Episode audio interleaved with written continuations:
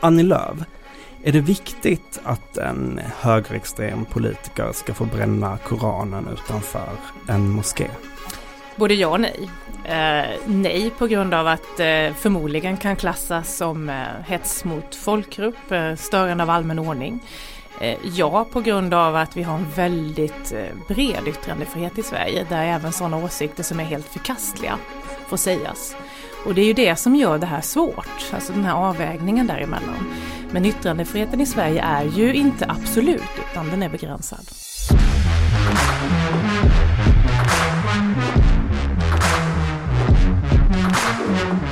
I Svenska Dagbladets Utfrågningen intervjuar Erik Nilsson och Inger Ernander partiledarna inför höstens val.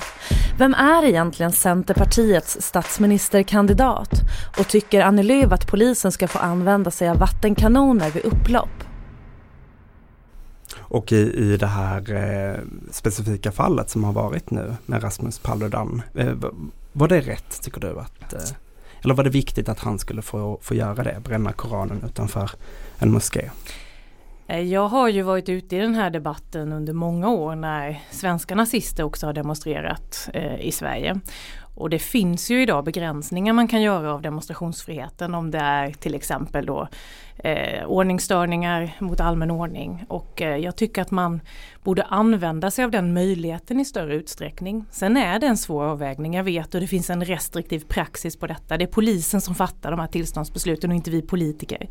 Men jag har också sagt att jag är beredd att se över tolkningen av detta så att man faktiskt i större utsträckning kan säga nej eller flytta på demonstrationer till andra ställen för att minska då sådana kraftiga ordningsstörningar som det har varit under den här helgen. Mm, du, du pratade om att det här kan vara hets mot folkgrupp. Tycker du att det var det i det här fallet? Det är lite svårt att applicera det brottet på just det här eftersom muslim är ingen folkgrupp utan det är en religion. Eh, så därför så rent juridiskt är det ju eh, knepigt. Däremot så har ju eh, den här nazisten från Danmark blivit både anmäld och dömd för hets mot folkgrupp i många andra fall. När du säger att du tycker att man skulle se över om det här kunde användas i större utsträckning att förhindra sådana här manifestationer. Vad tänkte du då? Nej men jag är ju liberal och tycker det är viktigt med en eh, bred yttrande och demonstrationsfrihet. Men i svensk lagstiftning idag så är den inte absolut utan man kan begränsa det. Det är begränsning till exempel om man eh, gör förtal, eh, om hets mot folkgrupp. Men polisen kan ju också när man ger tillstånd säga nej till demonstrationer om det till exempel då är brott mot allmän ordning. Och polisen själva säger ju att de använder sig inte av de begränsningarna i så stor utsträckning som man kanske skulle kunna önska ibland för att man vill tillåta demonstrationer. Och jag tycker det i grunden är något sympatiskt men det finns ju önskemål också om att vi från politiken kan gå in och förtydliga att man i större utsträckning än idag skulle till exempel kunna säga att ja, du får demonstrera men du får inte göra det eh, i det här utsatta området eller under Ramadan. Du skulle kunna få göra det vid den här tidpunkten på det här stället. I Skåne använde man ju det i helgen. Man valde ju att placera demonstrationen i Malmö och inte i Landskrona. Och jag tycker att man skulle kunna använda det i större utsträckning än idag. Så konkret, när ska man begränsa yttrandefriheten? Ja, dels är det ju i lagstiftning fastslaget att man kan göra det. Till exempel då är det ju ett brott om man förtalar någon. Men jag tänkte det du vill eh, skärpa lät det som nu. Nej, det handlar inte om att skärpa utan det handlar om att tydliggöra det som redan finns i svensk lagstiftning idag. Det är ju att man kan begränsa möjligheten till yttrande och demonstration om det är upplopp, eh, hot mot allmän ordning.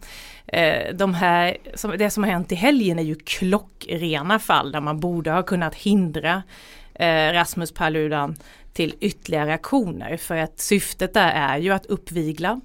Eh, och vi ser ju då hur fruktansvärda scener som har utspelat sig med väldigt aggressiva våldsverkare som har riktat sitt hat mot polisen. Men innebär inte det här du säger då att om man är beredd att ställa till tillräckligt mycket bråk då kan man hindra någon från att framträda? Ja, och det är ju det som gör det svårt. Jag sa ju det tidigare, det här är en väldigt svår avvägning mellan grundlagsfästa eh, viktiga demokratiska rättigheter och då eh, respekten för hedliga människor som bor på de här ställena som vill ha trygghet och frihet.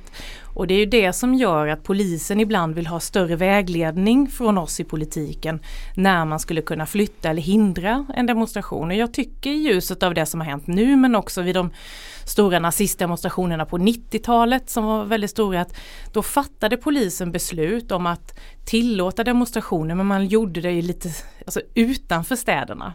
Eh, på parkeringsplatser och liknande där man då fick demonstrera men där man inte skapade de upplopp och den hetsade, hetsiga stämning som faktiskt uppstod både då och nu. Så vem bär ansvar för att det som hände i påskhelgen hände? Ja, de aggressiva våldsverkarna. Helt klart. Det finns ju inga ursäkter överhuvudtaget till det beteendet som vi har sett. Och hur var polisens bedömning tycker du? Hur skötte de den? Det kommer komma en tid vad gäller utvärdering senare men nu behöver allt fokus ligga på att se till att de aggressiva våldsverkare som har visat sitt fula tryne under de här senaste dagarna eh, lagförs, vi måste säkra bevisning och vi måste se till att de också fälls. Det är där fokus borde ligga. Men i, i Skåne gjorde man ju precis detta som du sa, att man flyttade manifestationen från Landskrona till en parkeringsplats utanför Malmö och det blev ju ändå upplopp i både Landskrona och Malmö. Så att eh, det här att flytta demonstrationerna, det verkar inte heller riktigt funka i det här fallet. Nej men det är ju inte svart eller vitt. Det är inte enkelt det här. Vi kan också se att man fick demonstrationstillstånd i Jönköping på Råslätt där det inte hände någonting på grund av att det fanns en väldigt starkt samarbete med civilsamhället till exempel. Eh, där kyrkklockorna ringde eh, och där man samlades för att inte skapa den fruktansvärda upploppsstämning som har varit på många andra ställen. Så det är inte enkelt att hitta en väg här utan det handlar om att Poliserna på plats måste kunna göra en bedömning i varje enskilt fall. Ibland lyckas man förhindra upplopp, ibland gör man inte det men det är ju inte polisens ansvar utan ansvaret för att det sker eh, vandalisering, eh, mordförsök, eh, mordbrand, mordbränder. Det är ju faktiskt de som står med gatstenen, det är de som eh, se till att sätta fordon i brand. Det är våldsverkarnas ansvar i det här fallet. Så nu framöver om det planeras nya manifestationer, vad borde polisen göra då? Borde de flytta manifestationerna mer då eller borde de inte ge tillstånd? Vad, vad tycker du i ljuset av detta? Ja, nu är jag ju politiker och ska inte fatta tillståndsbeslut men vi har ju en lagstiftning och den har jag ju tillsammans med mina politiska kollegor ansvar för. Vi har en grundlag och vi har begränsningar i vanlig lagstiftning. Och jag tycker att man framåt här bör använda den lagstiftning som finns som gör möjligheten, skapar möjligheten att faktiskt flytta på demonstrationer, begränsa demonstrationer. Eh, men det måste avgöras från fall till fall för att det, det ska inte vara så heller att eh, upplopp gör att andra åsikter tystas. Det är lätt att fatta beslut i de här frågorna för att eh, i det här fallet just för att eh, eh, Rasmus Paludan är liksom en hatpredikant och nazist. Men det är ju det kan ju komma andra åsikter som andra gör upplopp för. Och det är därför som det är svårt och måste vara upp till varje enskilt beslut att göra de avvägningarna. Mm, men, men ska man inte få bränna Koranen i ett utsatt område? Man ska helst göra det på en parkeringsplats. Jo men man får bränna Koranen enligt svensk grundlag. Vi har ju liksom yttrande och demonstrationsfrihet här. Sen är det begränsat eh, just på grund av om det är ordningsstörningar eller allmän ordning och då är det polisen som kan fatta de besluten var eh, en sådan demonstrationsrätt och frihet faktiskt äger rum och det är inte vi politiker som gör det. Men nu har du sagt att polisen har rätt att fatta de här besluten. Det är inte ni politiker som avgör. Det avgörs från fall till fall. Men ändå verkar du tycka att det här möjligheten att begränsa ska användas oftare. Det är slutsatsen av vad du säger. Så att någonting tycker du som politiker om detta ändå? Ja absolut, eh, och så är det ju. Alltså, vi har ju de lagar vi har och jag tycker ju att man kan inom de lagar som finns faktiskt kunna fatta mer beslut där man tar hänsyn till eh, ordningsstörningar som vi har sett nu på ort efter ort de senaste dagarna. Däremot är det inte min roll som politiker att gå in och recensera enskilda beslut utan jag tycker att man ska använda den lagstiftning som finns eh, lite vidare framåt i ljuset av eh, det fruktansvärda som har hänt i helgen. Vad är din förklaring till att eh, det här våldet jag tror att det är för tidigt att säga så att jag går väldigt mycket på polisens uppgifter som man har lagt under veckan och eh, det, det de säger är ju att det är ett urskillningslöst hat mot poliser. Eh, ett hat och eh, en attack både mot fordon och eh, enskilda människoliv. Det är ju ett förakt mot människovärdet och mot det som är vårt samhälle och därmed vår demokrati. Eh, och det här är ju personer som har gjort detta medvetet. Eh, man kan se att man är, eh, har eh, eh Eh, maskerat sig, man har samlat på stenar, man har slipat på stenar för att med precision kunna skapa så mycket förödelse och blod som möjligt på enskilda polismän. Och det är fullkomligt förkastligt. Det här är inte bara ligister, det känns som ett litet ord i sammanhanget. Det här är ju riktiga våldsverkare som eh, måste lagföras och sättas bakom lås och bom. Borde polisen gått hårdare fram mot dem tycker du? Det kommer ju tid att, för att utvärdera detta. Jag vet att det låter lite tråkigt men det är så pass nära i tid och nu samlar man ju på bevisning så att man ser hur man ska arbeta framåt. Jag tror med det jag sett hittills att de behöver ha fler kollegor, att de behövde vara fler i antal på de här ställena. Jag tror också att de eh, hade behövt vara än mer förberedda på den här typen av rå kriminalitet och våldsamt upplopp. Det säger de ju själva att de har aldrig någonsin mött den råheten förr. Och nu har vi ju dessvärre sett det och det tror jag gör att man eh, kommer att planera eh, upplägget för sådana här tillställningar som vid demos kontroversiella demonstrationer på ett annorlunda sätt framåt. Det pratas om bättre verktyg för polisen, vattenkanoner, och gummikulor nämns. Tycker du att polisen behöver eh, den typen av verktyg? Vattenkanoner till exempel? Ja, vi är beredda att lyssna in vad polisen behöver. Vi tycker att det ska utgå från vad professionen faktiskt tycker. Jag hör att mina politiska kollegor gärna lägger sådana förslag. Vi har inte sådana förslag från Centerpartiets sida. Men däremot så har vi öron och ögon öppna för vad polisen skulle vilja se för ytterligare verktyg. Då är vi beredda att skjuta till resurser för dem att kunna inhandla detta. Vi tycker inte att det är ett politiskt beslut att bestämma om verktyg utan det är Polismyndigheten som ska göra det. Mm. Vi eh, delvis byter lite ämne. Men kom inte och säg att inte jobbet är den finaste biljetten in i det svenska samhället. Du pratade om utsatta områden. Ett stort problem i utsatta områden är att folk är utan jobb väldigt länge. I hela landet handlar det om knappt 100 000 personer som har varit arbetslösa i mer än två år. Vad är det viktigaste som Sverige måste göra för att hantera den här situationen för de här människorna? Många olika saker. Väldigt många av dem är kvinnor eh, som under många år, precis när de har kommit till Sverige, har varit föräldralediga och utanför samhället av många olika anledningar. De behöver dels känna både kravet men också möjligheten att kunna lära sig svenska. Genom att lära sig svenska när barnen går i förskola till exempel har vi lagt förslag på i närheten av förskolan för att underlätta.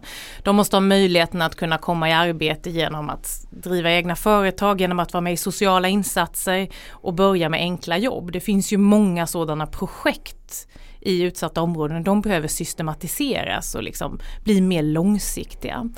Det är, det är liksom den ena delen vad gäller kvinnors försörjning och möjlighet att komma ut. Den andra viktiga delen handlar ju om att skapa bra möjligheter för småföretagare som är många i de här områdena kring besöksnäring, restauranger, kaféer, butiker. Att kunna ha möjligheten, den ekonomiska möjligheten att anställa genom sänkta kostnader, sänkta arbetsgivaravgifter till exempel.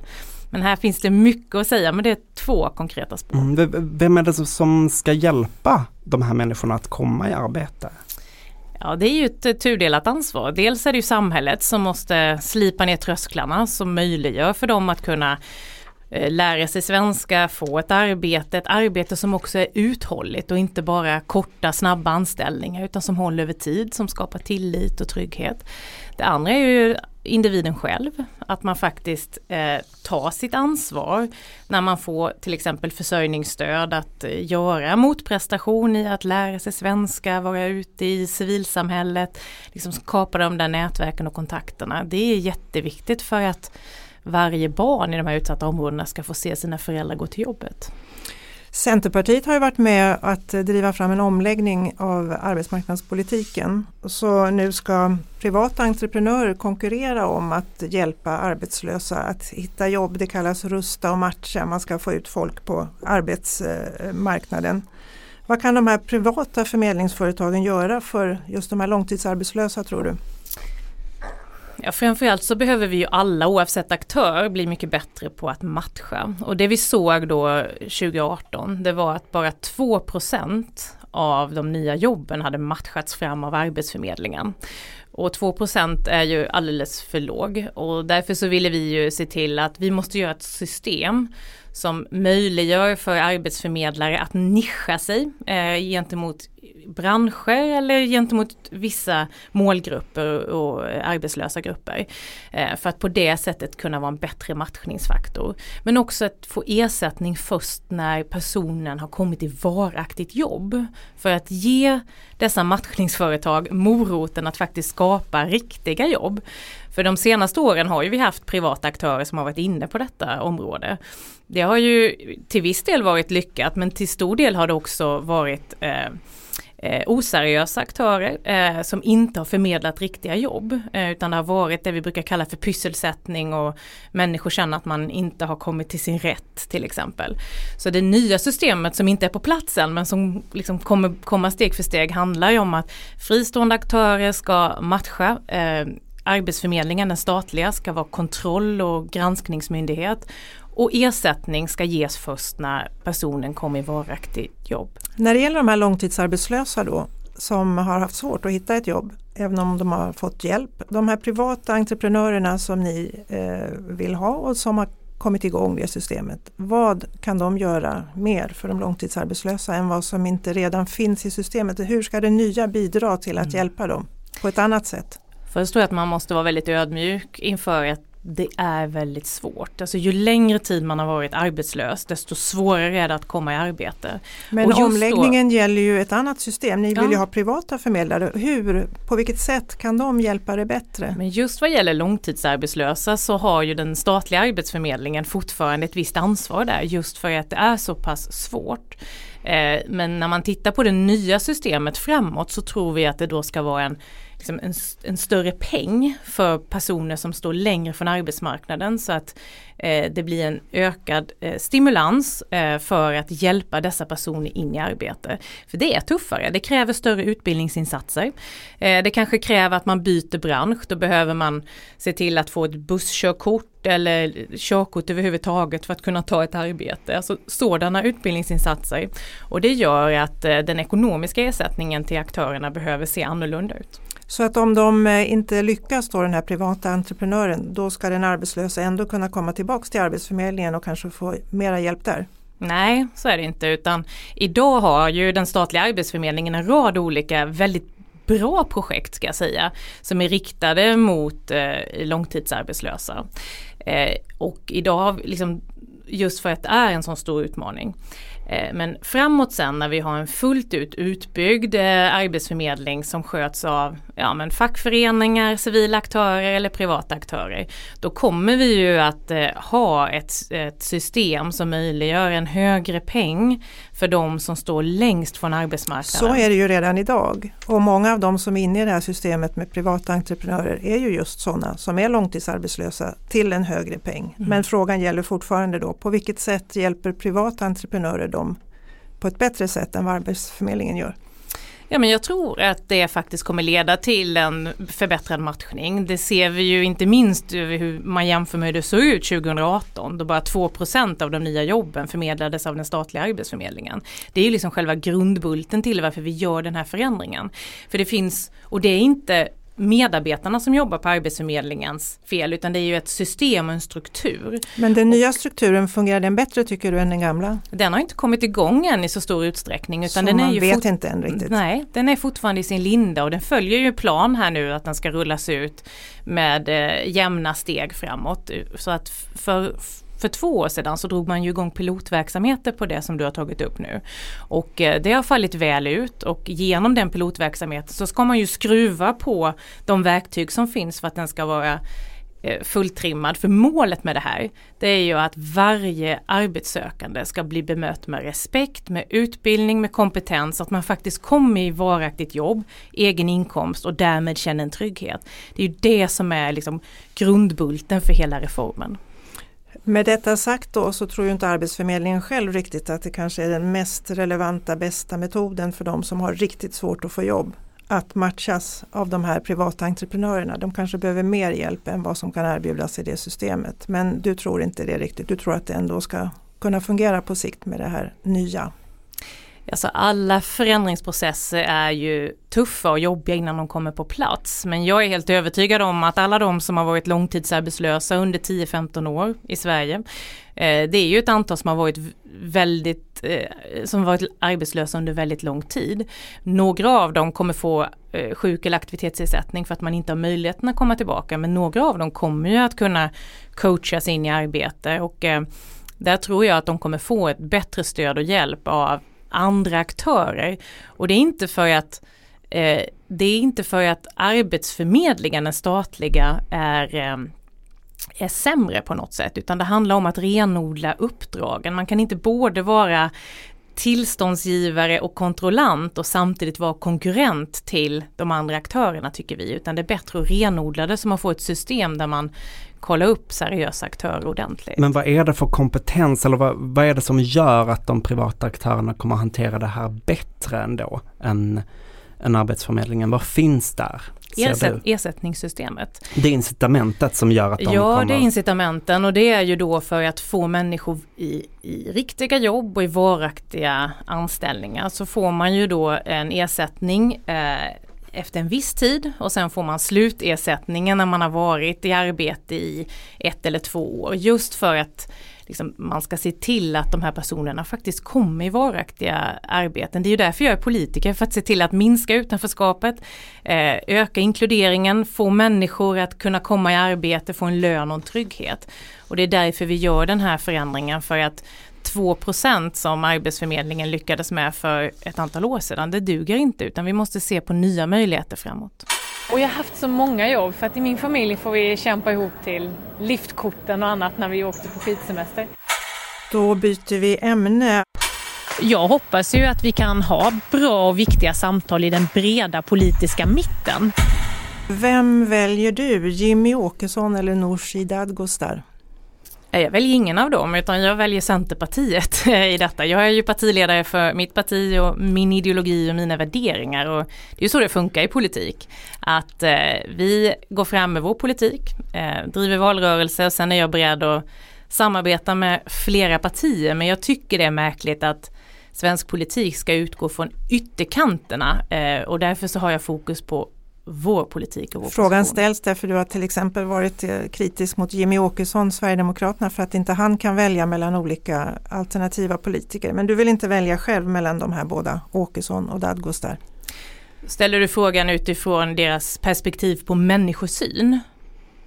Eh, till exempel? Ja, deras syn på människor, perspektivet, människovärdet, flyktingpolitiken, eh, deras syn på auktoritära ledare. Eh, så väljer ju Jimmy fel sida i stort sett vid varje intervju och i varje tillfälle. Men tittar man på den ekonomiska politiken eh, som är en viktig grundbult i ett regeringssamarbete till exempel så står ju Vänsterpartiet oss väldigt långt bort. Och jag har ju en möjlighet att välja just samarbete med alla de andra partierna i svensk politik eftersom vi står varandra nära både vad gäller värderingar och i den ekonomiska politiken. Så det beror på kontexten? Ja, nu förstår jag ju vad du far efter eftersom han sa kontexten. Men i det här fallet så eh, väljer jag ju eh, de partier som jag samarbetar med idag. Jag behöver liksom inte välja däremellan. Jag tycker det är en absurd frågeställning. Det ligger i sonderingsuppdraget att jag också kan vara statsminister, men det är inte mitt primära fokus.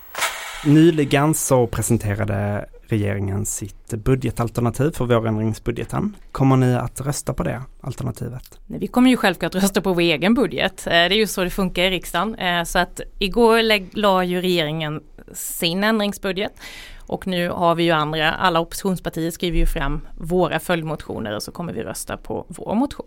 Och det är helt uteslutet att ni i sista rundan då röstar på regeringens budgetalternativ? Nej, du frågade ju vad vi kommer rösta på. Vi kommer rösta på vår budget. Sen får vi se hur de andra partierna nu samskriver sig, förhandlar fram i sina reservationer, följdmotioner och hur det ser ut framåt juni.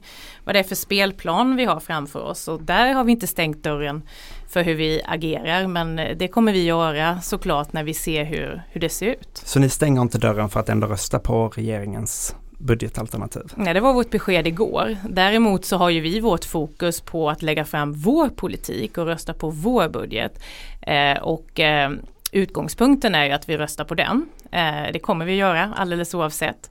Sen ser vi ju hur eh, andra partier förhåller sig till varandra och till eh, de förslag som ligger på bordet och först då så kommer vi ta ställning. Mm, för, för, tidigare har ni ju inte velat rösta på en budget som är förhandlad med Vänsterpartiet.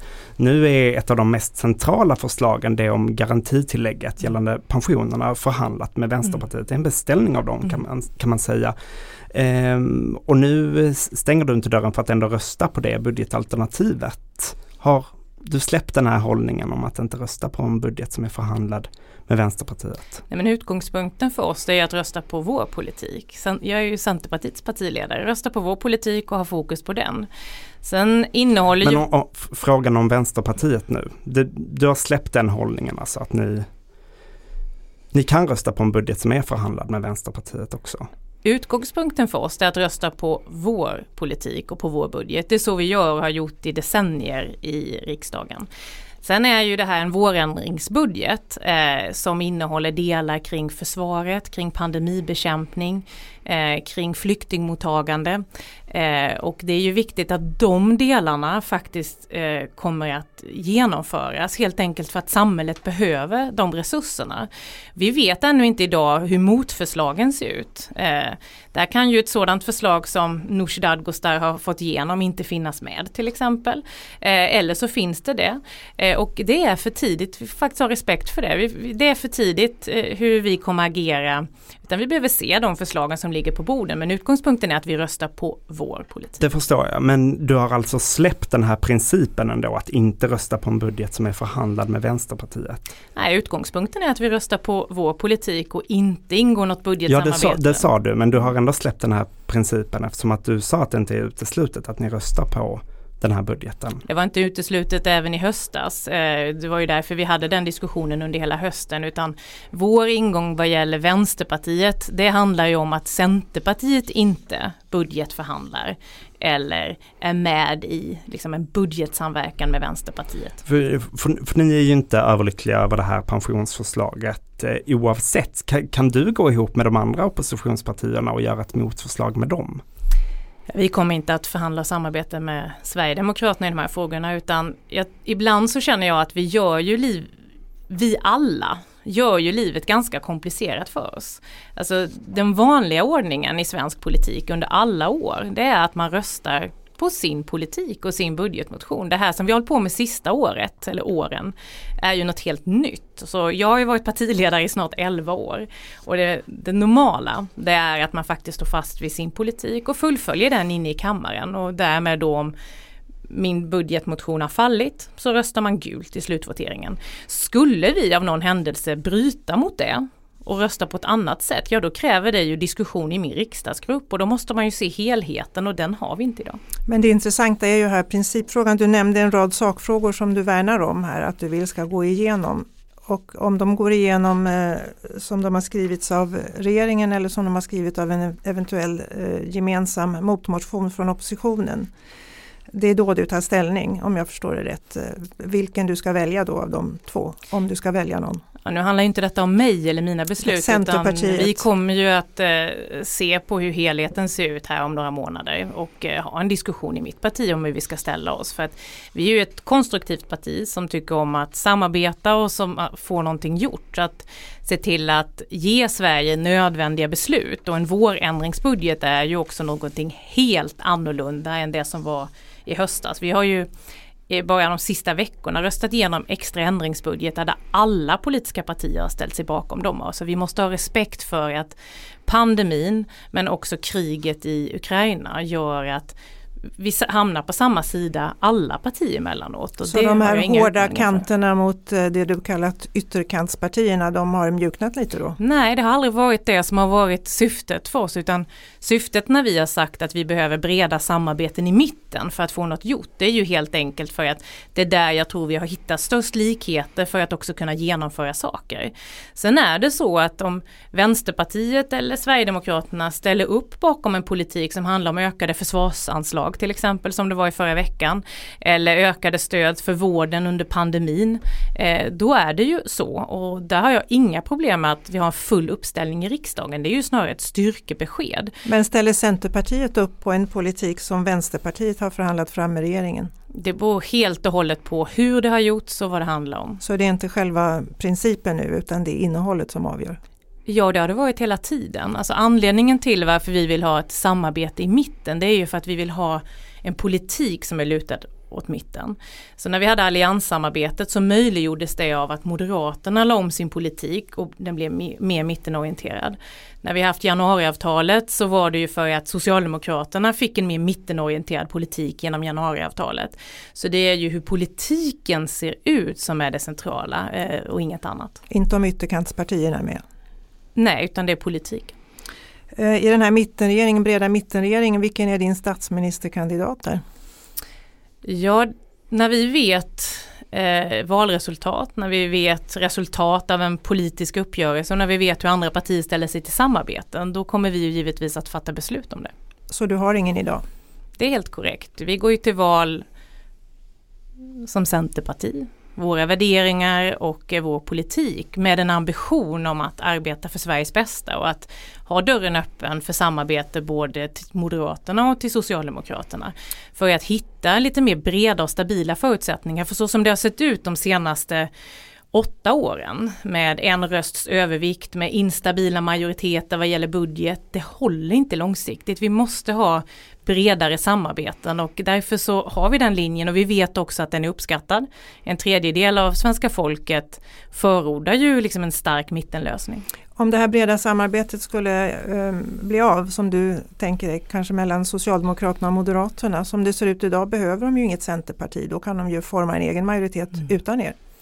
Ja, så kan det ju också bli, men eh, där står också vår dörr öppen kring att vara med i, en, i ett sådant eventuellt samarbete. Jag tror inte att de kommer sitta i samma regering, men ett samarbete på något sätt för att i en väldigt orolig säkerhetspolitisk tid skapa stadga och stabilitet.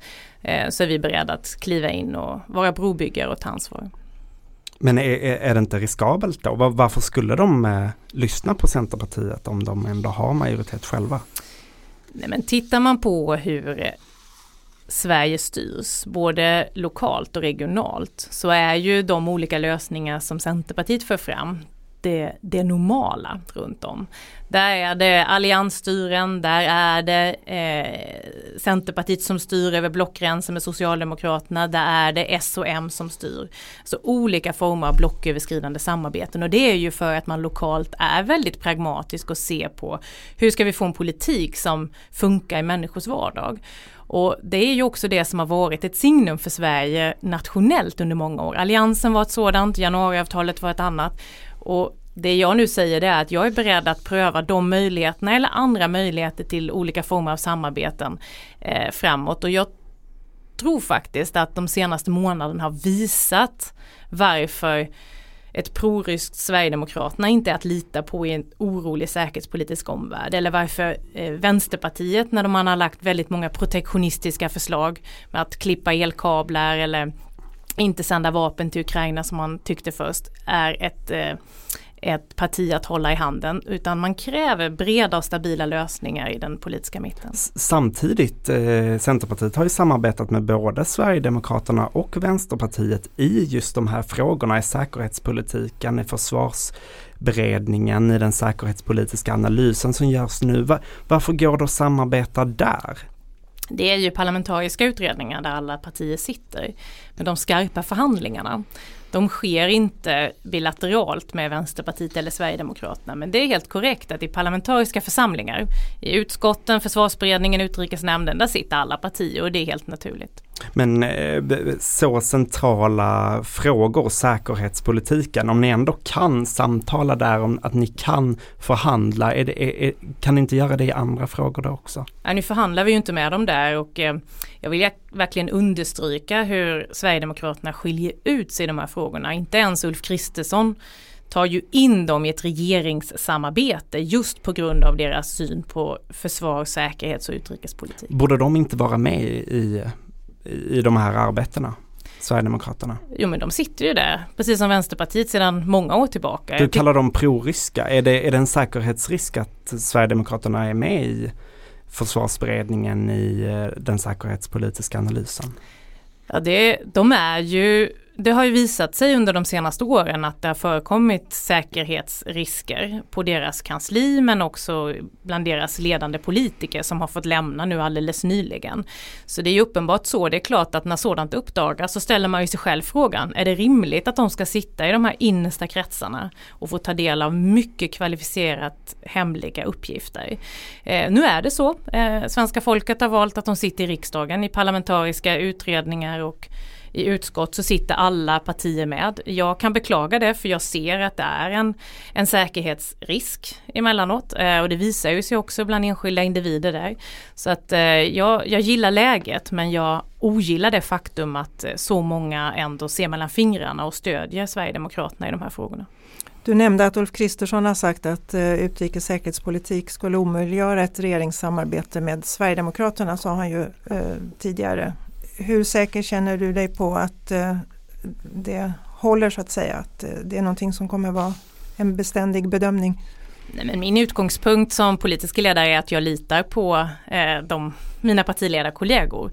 Eh, så att eh, säger nu moderatledaren att man inte ska ta in Sverigedemokraterna i regering så utgår jag ifrån att det stämmer. Även om Sverigedemokraterna har lika många röster som Moderaterna eller kanske till och med fler? Ja det är ju därför jag är centerpartist och inte vill ha något samröre med Sverigedemokraterna för jag ser ju vilket eh, inflytande som de kommer få, vilken maktposition som Sverigedemokraterna kommer ha. Eh, både nu men också förmodligen efter nästa val. Och de kommer ju inte vara någon dörrmatta till ett sånt högeralternativ som nu växer fram utan de kommer ju kräva inflytande i förhållande till sin storlek. Och eh, att då sätta sig och kompromissa med ett nationalistiskt främlingsfientligt parti det är ju det jag har sagt blankt nej till och där är vi ju det enda allianspartiet som säger det medan de andra tre har valt vägen att öppna upp på grund av förmodligen maktpolitiska ambitioner för samarbete med Sverigedemokraterna. Hur länge sitter du kvar som partiledare? Åh, oh, den där frågan börjar komma nu när man har suttit i snart 11 år men jag tycker att det är väldigt roligt eh, och eh, jag hoppas att jag får sitta ett antal år till. Eh, det är ju faktiskt väljarna och medlemmarna framförallt som bestämmer. Annie Lööf, tack så mycket. Tack så mycket.